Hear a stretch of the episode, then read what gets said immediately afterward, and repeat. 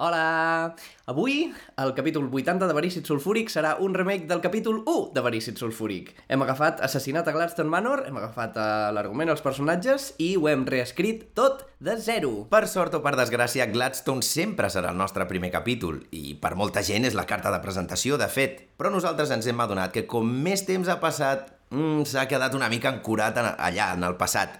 Llavors, hem vist moltes coses que es podien millorar, hem vist que nosaltres també hem millorat com a guionistes i com a actors, i bé, aquest és un dels principals motius pels quals ho hem fet. Un altre motiu és que, molt de compte, aquest episodi que sentireu és l'últim episodi de Verícid Sulfúric tal com l'hem conegut fins ara. No estem dient que s'acaba el podcast, però sí que estem dient que necessitem una petita alenada d'aire fresc. Portem uns quants anys llargs fent això, així que hi haurà canvis de format que de moment no podem revelar. Tan aviat com en sigui possible, us explicarem què passarà. De moment, no patiu, perquè tenim tot l'estiu cobert amb els extras habituals. Doncs hi haurà preses falses, hi haurà actuacions en directe... Tenim entreteniment per estona. I ara, a gaudir de l'episodi. Això és...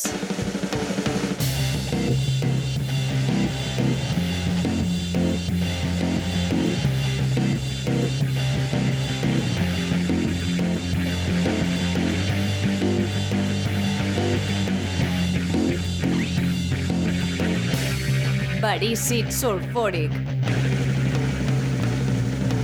Avui, a Verícid Sulfúric, Assassinat a Gladstone Manor, escrit per Anna Ferrer Albertí, Vicent Ortega i Pau Pérez, amb Anna Ferrer Albertí com a Constance Gladstone. Vicent Ortega com a Clu Hintenton. Oriol Fages com a Rochester. Pau Pérez com a Margaret Weatherstone Laia Garcia com a Virginia Gladstone. i Roger Martínez com a Henry Williams.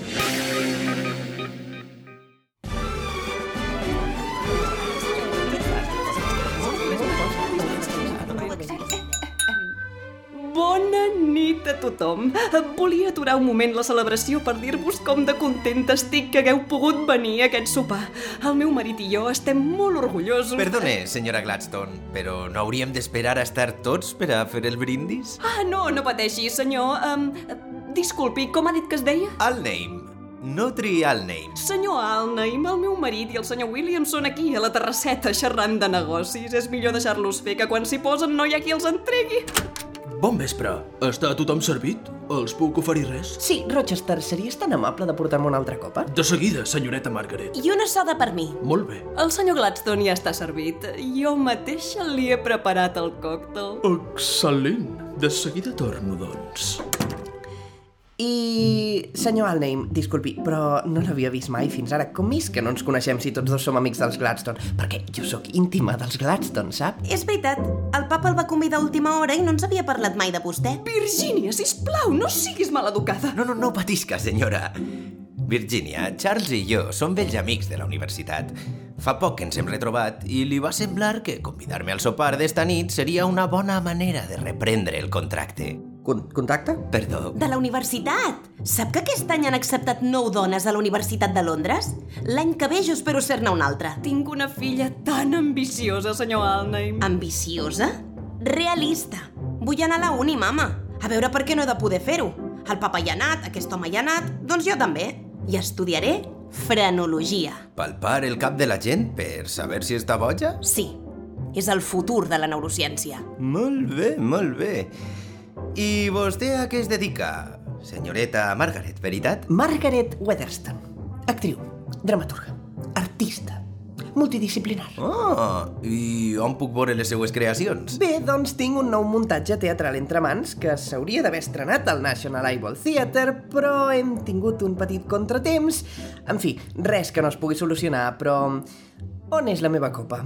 O on és en Rochester? Acosteu-me a la, la campana de servei. Rochester! Uh, ja sóc aquí, senyoreta. Una copa per vostè Gràcies. i una soda per vostè. Gràcies, Rochester. A la cuina m'han comentat que està gairebé tot a punt. Com ho tenen per aquí? En Charles encara és fora amb en Henry, no tingueu pressa. Perfecte, senyora. Fins ara, senyora. Què ens ve de gust veure pel sopar d'avui? Algun vi en particular? Oi que tenia un Golden Valley reservat per una ocasió especial? Ai, tens tota la raó, estimada! Sí? No preferirien un bon xampany? Um, ve de gust vi, a mi. Ja, però és que un xampanyet ara... beure vi, senyor Alney. Hola de nou. Quin airet més bo que passa. Henry, ja et trobàvem a faltar. Virginia, el teu pare et demana. Ah, i tant. De seguida me n'hi vaig.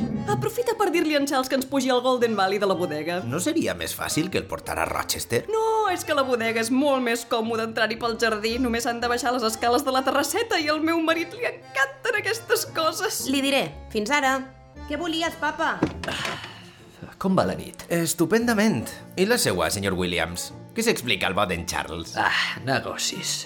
Senyor Alneim? No triar el name. Senyor Alneim, un advocat i els seus clients, per molt amics que siguin, han de passar-se hores discutint assumptes tediosos que, si repetís davant seu, amargarien una vetllada festiva com aquesta. Jo sempre he tingut cert interès pels assumptes legals. Li assegure que no em faria res... Sempre parlant de paperassa. No podem xerrar de qualsevol altra cosa? Sí, uh, Constance, m'he adonat que heu canviat la tanca de la terrasseta. La va triar en Charles. A mi no m'acaba d'agradar que sigui tan punxeguda. Qualsevol dia hi prendrem mal. També és molt elegant. A veure... Senyor Alney, Doncs des d'ací no es distingeix gran cosa. És nit de lluna nova, ja se sap. Pràcticament no veig a Virginia i Charles. I mira que estan a prop. Jo els veig ben tranquils asseguts a la tauleta. Deixi'ls que facin. eh, home, eh, quina hora tenim? Jo ja començo a tenir rau-rau. Deuen ser vora les 8. Se'ns està començant a fer tard. Són vora les 8. Falten exactament 12 minuts per les 8. Si teniu cap dubte, podeu consultar el rellotge de cucut, el rellotge de caixa alta, el rellotge de pèndol o aquest rellotget de sobretaula que sempre tenim a la vora. Quina meravella! És vostè un amant de la rellotgeria, senyora Gladstone? Jo no, jo no, el meu estimat Charles. Eh, Potser durant els seus anys d'universitari encara no li havia agafat la dèria, però darrerament s'ha convertit en un autèntic fanàtic de les busques i els engranatges. Doncs les busques i els engranatges em diuen que no soparem fins d'ací una estora. Estona. Perdó. D'acord, nosaltres anem fent. Ai, espereu que tanco. Ja t'ajudo, Virginia. Gràcies, senyor Williams. Així que diuen, Charles? Que va buscar el vi i de seguida puja. Esplèndid. Doncs, ara que sembla que ja va sent hora, què em dirien de cridar a Rochester? En Rochester? Per a què porta el sopar? En Rochester va molt atrafegat, senyor Alnheim. Al capdavall, sis comensals volen feina. I ens ha dit que gairebé estava, no cal importunar-lo. No, sí, ja ho sé, però... Uf, tinc fam. Senyoreta Margaret, m'acosta la campaneta? Jo crec que no... Jo crec que sí. Rochester! Com va la cosa? Les copes del còctel ja estan buides. Senyor Alneim, no cridi, sisplau. Deixi la campana, home. És que m'agrada molt a mi la campaneta.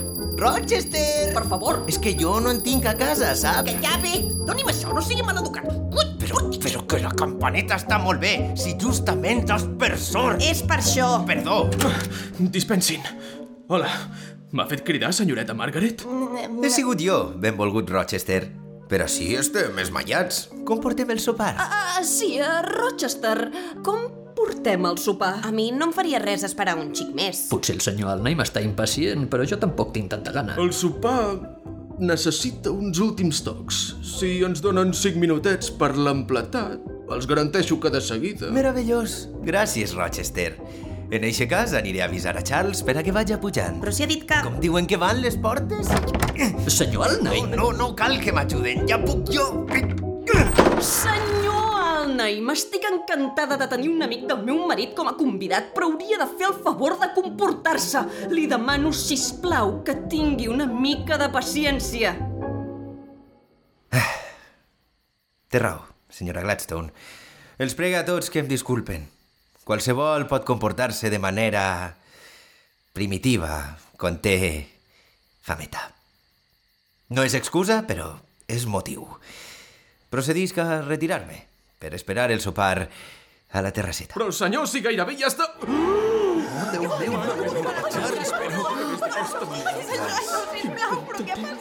No pot ser, no pot ser, Charles!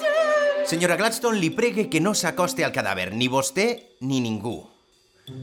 Segons sembla, Charles Gladstone ha mort travessat per la tanca de la seva pròpia terrasseta. Ja ho deia la mama, que algun dia ens hi faríem mal. La mort podria haver estat a causa d'alguna entrebancada que hauria propulsat el pobre Charles fins a la tanca, provocant que el perforara al vell mig del tòrax. Rochester, avisa la policia i digue'ls que... No, no, no, no, no, no farà falta. Senyor Alneim, ja n'he tingut prou de les seves extravagàncies. Ho comprenc perfectament. Doncs facis càrrec de la situació. Hi ha hagut un accident terrible. Jo no estic convençut que hagi sigut un accident.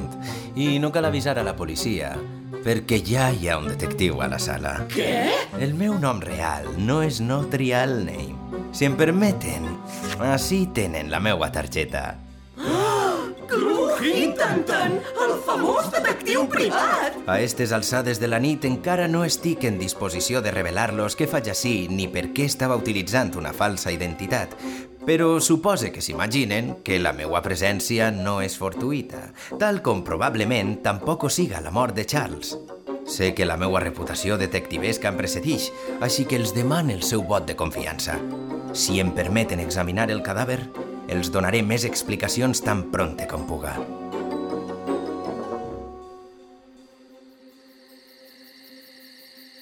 Senyor Hinton, de veritat que no entenc per què ha requerit la meva presència mentre examina el cadàver. Perquè necessite pensar en veu alta, estimat Rochester. És sabut que tot investigador té un acompanyant i durant una estona tu seràs el meu. Com vostè digui, senyor. A veure, tenim un cos travessat entre les costelles per la tanca de la terrasseta. Qualsevol diria que Charles, en una nit sense lluna i després d'haver begut, ha perdut l'equilibri i s'ha precipitat cap al seu fatídic destí. Qualsevol ho diria. Jo, sens dubte, ho diria. Ahà, però jo no. Per començar, amb què es podria haver entrebancat? El terra està net com una pantera. Ah, patena. Perdó. Bona feina, Rochester. Per haver netejat o per corregir-lo? Per les dues coses. Uh, gràcies, però uh, potser no cal que hagi ensopegat amb res, oi? Ho ha dit vostè mateix, el senyor havia begut. I quan un ha begut... Exacte. I on està la seva copa? La seva copa? No està ni a la tauleta d'ací al costat ni la veig a prop del cadàver. Li la vas retirar en algun moment? Jo... És clar que no. Et vas estar movent entre el menjador i la cuina tota la vesprada. I aleshores on podria... Ah! Què passa, senyor Hintantan? Mira-hi davant. Just sobre el primer graó de les escales que baixen a la bodega. Uh, Es tracta ni més ni menys que del còctel de Charles. Una copa intacta, col·locada sobre un graó de l'escala i prou lluny del cadàver com perquè siga sospitós. sospitós? Primer, pots veure tan bé com jo que la copa conserva quasi tot el seu contingut. Charles no havia begut prou com per emborratxar-se fins al punt de perdre l'equilibri. Segon, i encara més estrany, com ha arribat la copa fins ací? El senyor havia de baixar a la bodega, oi? Potser havia deixat la copa aquí per recuperar-la quan pugés. I aleshores, per què el cos està a l'extrem oposat de la terrasseta? Si pareix que s'hagi entrebancat només alçar-se. No, no, Rochester, això no és el que sembla. Et demane, per favor, que reunisques tots els convidats a l'habitació blava de l'ala nord.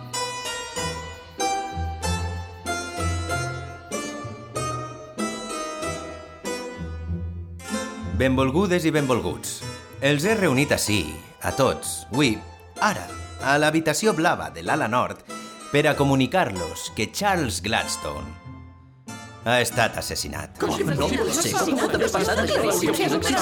Comencem pel començament. No els he dit tota la veritat.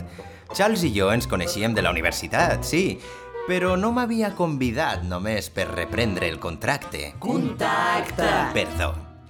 El senyor Gladstone sabia que jo era un famós detectiu privat i des de fa un temps tenia la mosca darrere l'orella. La mosca? Una bona moscarda, senyor Williams.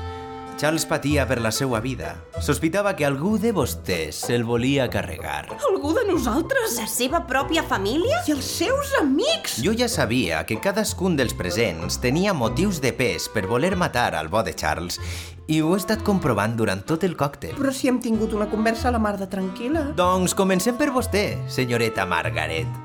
No ha sigut vostè mateixa qui m'ha explicat que ha tingut problemes per estrenar la seva gran obra? També li he comentat que no és res que no es pugui solucionar. Però se solucionarà en un altre teatre. Veritat, senyoreta Margaret? Les seues esperances de fer el gran salt a la fama actuant al National Eyeball Theatre es van esvair a pocs dies de l'estrena. Sempre hi ha contratemps quan s'està treballant. Treballant amb un mecenes que no complix les seues promeses? Sé de primera mà que Charles Gladstone tenia gravíssims problemes econòmics. Li havia promès una gran inversió en el seu projecte, que no va arribar mai. el seu salt a la fama, Margaret es va convertir en un salt al buit i va esberlar-se la closca. Una bona cabotà sempre deixa un trinxo. No sé què dir, senyor Hintonton. No cal que diga res. És que no l'he entès. No cal que diga res. No és l'única perjudicada pels deutes de Charles. Veritat? Rochester? Què vol? Mantindre el servei de tota una mansió és una despesa enorme. Una despesa que, per descomptat, es torna prescindible quan justegen els diners. Tu ja no eres el majordom de Gladstone Manor. Pots negar-ho? Um, bé, tècnicament aquesta nit era el meu últim servei. Et va deixar a l'estacada, sense cartes de recomanació, ni bestreta, ni un miserable adeu-siau i gràcies per tot. Qui no voldria matar algú així? Senyor Hintonton, no continuï per aquí. Disculpi, sé que m'estic excedint en la meva posició, però he de defensar-me. Espero que s'adoni, senyor Hintonton, que la nova regulació del gremi de detectius impedeix acusar el majordom a la primera de canvi sense proves concloents. No t'estic acusant, Rochester. Ara per ara, només estic posant sobre la taula el mòbil de cadascun dels sospitosos. Com el seu, senyor Williams. Oh! Els deutes de Charles venien de lluny. Feia temps que s'estava endinsant cada cop més en l'absoluta bancarrota, però no ha sigut fins fa poc que això li ha començat a passar factura. És molt pràctic tindre un amic advocat, veritat? Si està insinuant el que em penso que està insinuant... Insinue la veritat, senyor Williams. Charles va abusar de la seva confiança i el va utilitzar per cobrir-li l'esquena amb paperasses legals que podien salvar-lo de segons quines situacions. Un bon advocat no ho faria mai, això. Un bon advocat és un bon advocat fins que es demostra el contrari. I si l'única persona que pot demostrar-ho ja no està, la seva reputació es manté intacta. Ha dit tot el que havia de dir, senyor detectiu? A vostè sí. De moment. Només ens queda la família Gladstone. Estimada Virginia, durant el còctel m'has comentat els teus plans de futur. Estudiar frenologia, una aspiració molt admirable i molt cara. Tinc raó si assumís que ton pare s'havia gastat tots els estalvis que havia guardat per enviar-te a la universitat? Sap què? Té raó. No me'n puc amagar, no? El papa estava a la puta ruïna. I aquest senyor ho sap perfectament. Però, home, no mataria el meu pare per no poder anar a la uni. Agraïsc la teua sinceritat, Virginia. I, malgrat tot, alguna cosa segueix fent pudor de socarraet. I crec que ta mare ens pot donar la resposta. Senyor Hinton, Senyora Gladstone. què vols? Senyora Gladstone. Què vol de mi? Que em diga quina hora és. No. Ho sap perfectament. Mai! No es faig a derrogar. Per què? Perquè el seu marit tenia un problema i és la incògnita al darrere de tot el que hem parlat fins ara. Quina hora és? Són exactament les 8 i 54 minuts! Uh, espera, espera, no, no, no què vol t'entens. dir? Vol explicar-se, senyora Gladstone? Charles havia perdut el seny, senyor Hintonton. És clar que teníem problemes econòmics. El meu marit era... Estava malalt.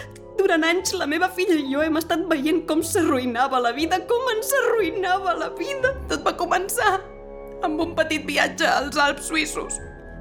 El papa es va comprar un souvenir i el vam perdre per sempre. Clar, el souvenir. No, el papa. Ah, sí, sí, parlàvem del papa. Òbviament. És hora de fer-ho públic. Home. Perdó! Senyores, en què es gastava Charles tota la seva fortuna? Mama? Sí, Virginia. Si podeu fer el favor d'acompanyar-nos a l'estudi privat d'en Charles.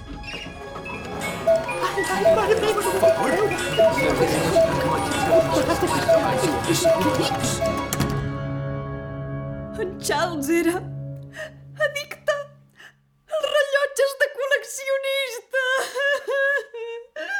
Cada cop anava pitjor i li era tot igual. La meva vida, la de la mama, la d'en Rochester... Res era més important que el rellotge. Um, perdó, eh? Però això vol dir que creu que l'han mort la Virgínia i la Constance? Ah, no, no, no, no, no. Només volia deixar les coses clares. Ara sabem que tots tenien un mòbil i també coneixem l'origen dels problemes de Charles Gladstone. Així que, si em permeten, em sembla que estic en disposició de revelar la identitat del culpable. Han sigut tots. Què? Tots vostès s'han conxavat per assassinar el senyor Gladstone esta mateixa nit. No, no, no, no, de cap de les maneres. Jo no mai, absolutament mai. Doncs sí. Rochester, Sisplau, els prego que confiïn en mi. Estic segur que li podem explicar tot al senyor Hintonton i no ens passarà res. et veig molt confiat, Rochester. Amb tots els respectes, jo a vostè també. Quina és la seva hipòtesi? Pense que tots vostès han unit esforços per a venjar-se de Charles Gladstone i han muntat tot un teatre perquè la seva mort pareguera un accident. Han seguit el seu diàleg i mantingut les seues posicions al peu de la lletra, assegurant-se que qualsevol altra persona de la casa, cuiners, minyones, jardiners, no dubtaria ni un segon de la seva versió dels fets. Però no tenien manera de saber que esta nit hi hauria un convidat inesperat, un tal no trial name que els faria perillar els plans. Tinc raó? Té raó. Vostè ha canviat el transcurs de la nit. Rochester... Cregui'm, senyora. Si diem la veritat, no hi tenim res a perdre. Bé, d'acord. Um, tot ha començat quan jo li he preparat un còctel a en Charles, com acostumo a fer quan tenim convidats a casa. El senyor Gladstone ja està servit. Jo mateixa li he preparat el còctel. Era un còctel carregat de somnífers. Diria que amb un parell de globs n'hi hauria prou per quedar-se fregit. Tranquil·lament, sí. Excel·lent! I calia una excusa perquè s'adormira al lloc adequat. Veritat, senyor Williams? Sí, m'he endut en Charles a, a fumar a la terrasseta i eh, al cap de 5 minuts els somnífers ja havien fet efecte. I s'ha quedat a la terrasseta... Fem veure que xerrava amb un cos adormit, sí, senyor? I mentrestant, al menjador, s'estava posant en marxa una altra part del pla. Oi que tenia un Golden Valley reservat per una ocasió especial? Senyoreta Margaret, m'ha sorprès molt que hagi insistit tant a beure vi quan jo he proposat xampany. Vostè ha ficat els nassos on no el demanaven tota la nit. I el xampany no era a la bodega. Ah, a la bodega s'accedix per la terrasseta. No, és que la bodega és molt més còmode entrar-hi pel jardí. Només han de baixar les escales de la terrasseta i al meu marit li encanten aquestes coses. I que oportú, no? Just quan parlem del vi, entra el senyor Williams i demana a Virginia que isca. Oportunitat perfecta perquè li faig l'encàrrec a son pare. Virginia, el teu pare et demana. Aprofita per dir-li a en Charles que ens pugi al Golden Valley de la bodega. Una casualitat gens casual, intel·ligentment provocada per vostès. Jo també m'he quedat una bona estona fent com si parlés amb mon pare. I he d'admetre que m'ho he cregut, perquè no es veien tres en un burro. Han perfilat tant el pla que fins i tot han trobat la nit ideal on dur-lo a terme. Des d'ací no es distingeix gran cosa. És nit de lluna nova, ja se sap. Quan Virginia ha tornat a entrar, s'ha posat en marxa la fase final del seu complet. Complot. Perdó. El cas és que ja estava tot preparat per a que Charles poguera morir. I qui era l'única persona que tenia excusa per no estar a la sala? Rochester. Té tota la raó. Havies de dur a terme una operació molt complexa, veritat, Rochester? Havies d'espavilar-te, ser precís i que no et vegera ningú. És per això que els teus còmplices tenien preparat un senyal d'emergència si res es torçava. La campaneta de servei. Rochester, com va la cosa? Les copes del còctel ja estan buides. Senyor Hinton, tocar la campaneta hauria d'haver estat el meu paper. I vostè m'ha robat el protagonisme. Ah, sóc plenament conscient que era el seu paper. Per què? Si al final no he fet res. Perquè quan Rochester ha tornat a entrar, Dispensin. Hola. M'ha fet cridar, senyoreta Margaret? ho ha fet visiblement alterat i preguntant per vostè. No podia saber qui l'havia demanat. I per què venia tan inquiet? Rochester, Sí, senyor. què hem trobat a l'escena del crim? El cos del senyor Gladstone i la seva copa de còctel. En extrems oposats de la terrasseta. Per què? Això és el que pense. La teua faena era simular que Charles Gladstone s'havia entrebancat amb el seu propi còctel. Ningú s'estranyaria que, begut i a les fosques, al senyor de la casa li relliscara la copa de les mans i acabara tenint un accident domèstic. Un accident domèstic que seria especialment fatídic si queia per les escales que duien a la bodega. Ahà! No, no, no, no, no, no, ja sé que no ha passat això. Només era el pla inicial. Veritat? La copa n'és la prova. Quan Virginia ha entrat al menjador, Rochester ha arribat a la terrasseta des del jardí. Ha agafat la copa, l'ha col·locat al lloc indicat per simular una entrebancada, ha agafat el cos inconscient del senyor Gladstone disposat a llançar-lo escales avall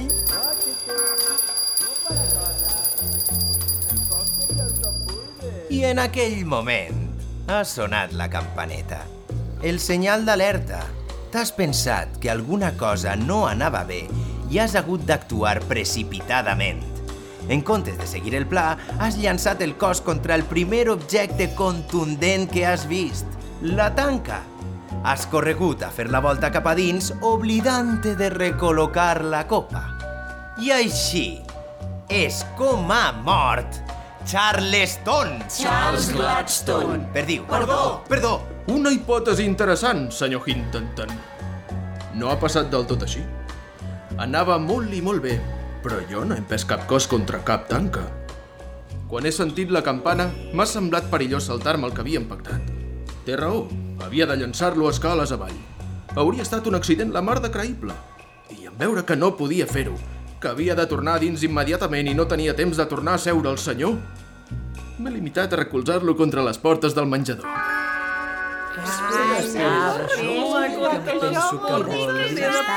A veure, a veure, a veure, a veure, a veure. Què? El cos era sobre les portes que donen del menjador a la terrasseta, senyor Hintonton. Les portes per on han entrat i sortit el senyor Williams i la senyoreta Virginia I les que vostè ha obert just abans que trobéssim el cadàver. Què va? Ha dit que anava a avisar el papa per sopar? Li hem estat insistint perquè no toqués res i vostè s'ha comportat com un autèntic impresentable. I li ha costat molt d'obrir la porta, oi que sí? Com diuen que van les portes? Senyor Alney, No, no, no cal que m'ajuden, ja puc jo. Eren unes portes robustes. Van un pèl dures, però mai cal embestir-les. Ja, i jo què sabia? Vostè que sabia... Què? Jo que sabia que obrint la porta d'una colpa catapultaria el cos de Charles, donant-li inèrcia per acabar travessat per la tanca de la terrasseta. la què? La tanca punxeguda de la terrasseta. Estic segur que, si comprova la posició on hem trobat el cadàver, l'angle coincidirà exactament amb la trajectòria que ha seguit des de la porta fins a la tanca. Bueno, sembla que aquí només hi ha un culpable i l'hem trobat nosaltres, no vostè. Oi, senyor Hintonton? Tant acusar, tant parlar, tanta hipòtesi, tant complot i al final mira qui ha sigut. Ai, qui es podia imaginar que en una batllada tan plàcida i tranquil·la el convidat d'última hora seria el més assassí de tots? Senyor jutge, m'ha de creure. Tots sis érem amics. Tots sis estàvem conxorxats per carregar-nos-el. Callen! Matat el papa, Enclo ha matat el papa... Que no, que no he sigut jo, han, han sigut vostès. I això pot demostrar-ho? Jo diria que no. Senyor Williams, senyor Williams, vostè és advocat. Sap perfectament que jo només he sigut un home innocent i tots vostès són còmplices d'assassinat. Sí, i qui s'ho creurà, això? Perquè seria la nostra paraula contra la seva. És més creïble un sisè còmplice que una mà innocent. Però... però també els inculparien a vostès. El que li volem dir, senyor Hintonton, el que li estem comentant implícitament eh, és que pot fer els ulls grossos. Aquí no ha passat res. Hi ha hagut un accident, vostè com a detectiu ho pot corroborar. I el fejar encara és calent i aquí hi havia molta gana. O, si no, ens en podem anar tots a la garjola. serien capaços d'enfangar-se tots només per a que jo m'emportara part de la culpa? En compte de dir la veritat i assumir les conseqüències de les seues accions? Um, doncs... Ah, sí, problema, Sí, veritat. esclar, per descomptat. El món és una font inesgotable d'injustícies. Les forces del crim no descansen mai i, de vegades, fins i tot els més nobles de cor ens podem convertir en les seues víctimes. Què hauria de fer? Lluitar per allò que crec correcte o resignar-me? Sacsejar-ho tot de cap a peus o romandre immòbil? Rugir com un lleó o callar com un puta? Ah, preguntes, preguntes. I la resposta, senyor Hintonton? De postres, hi ha fondue de xocolata. En este cas, la meua resposta és... que pots anar en plàtan, Rochester. En platan? Perdó. Gràcies per escoltar Verícid Sulfúric. Pots trobar totes les novetats a Instagram, Facebook i Twitter sota el nom Verícid Sulfúric. A més, recorda que pots donar-nos suport a patreon.com barra Verícid Sulfúric.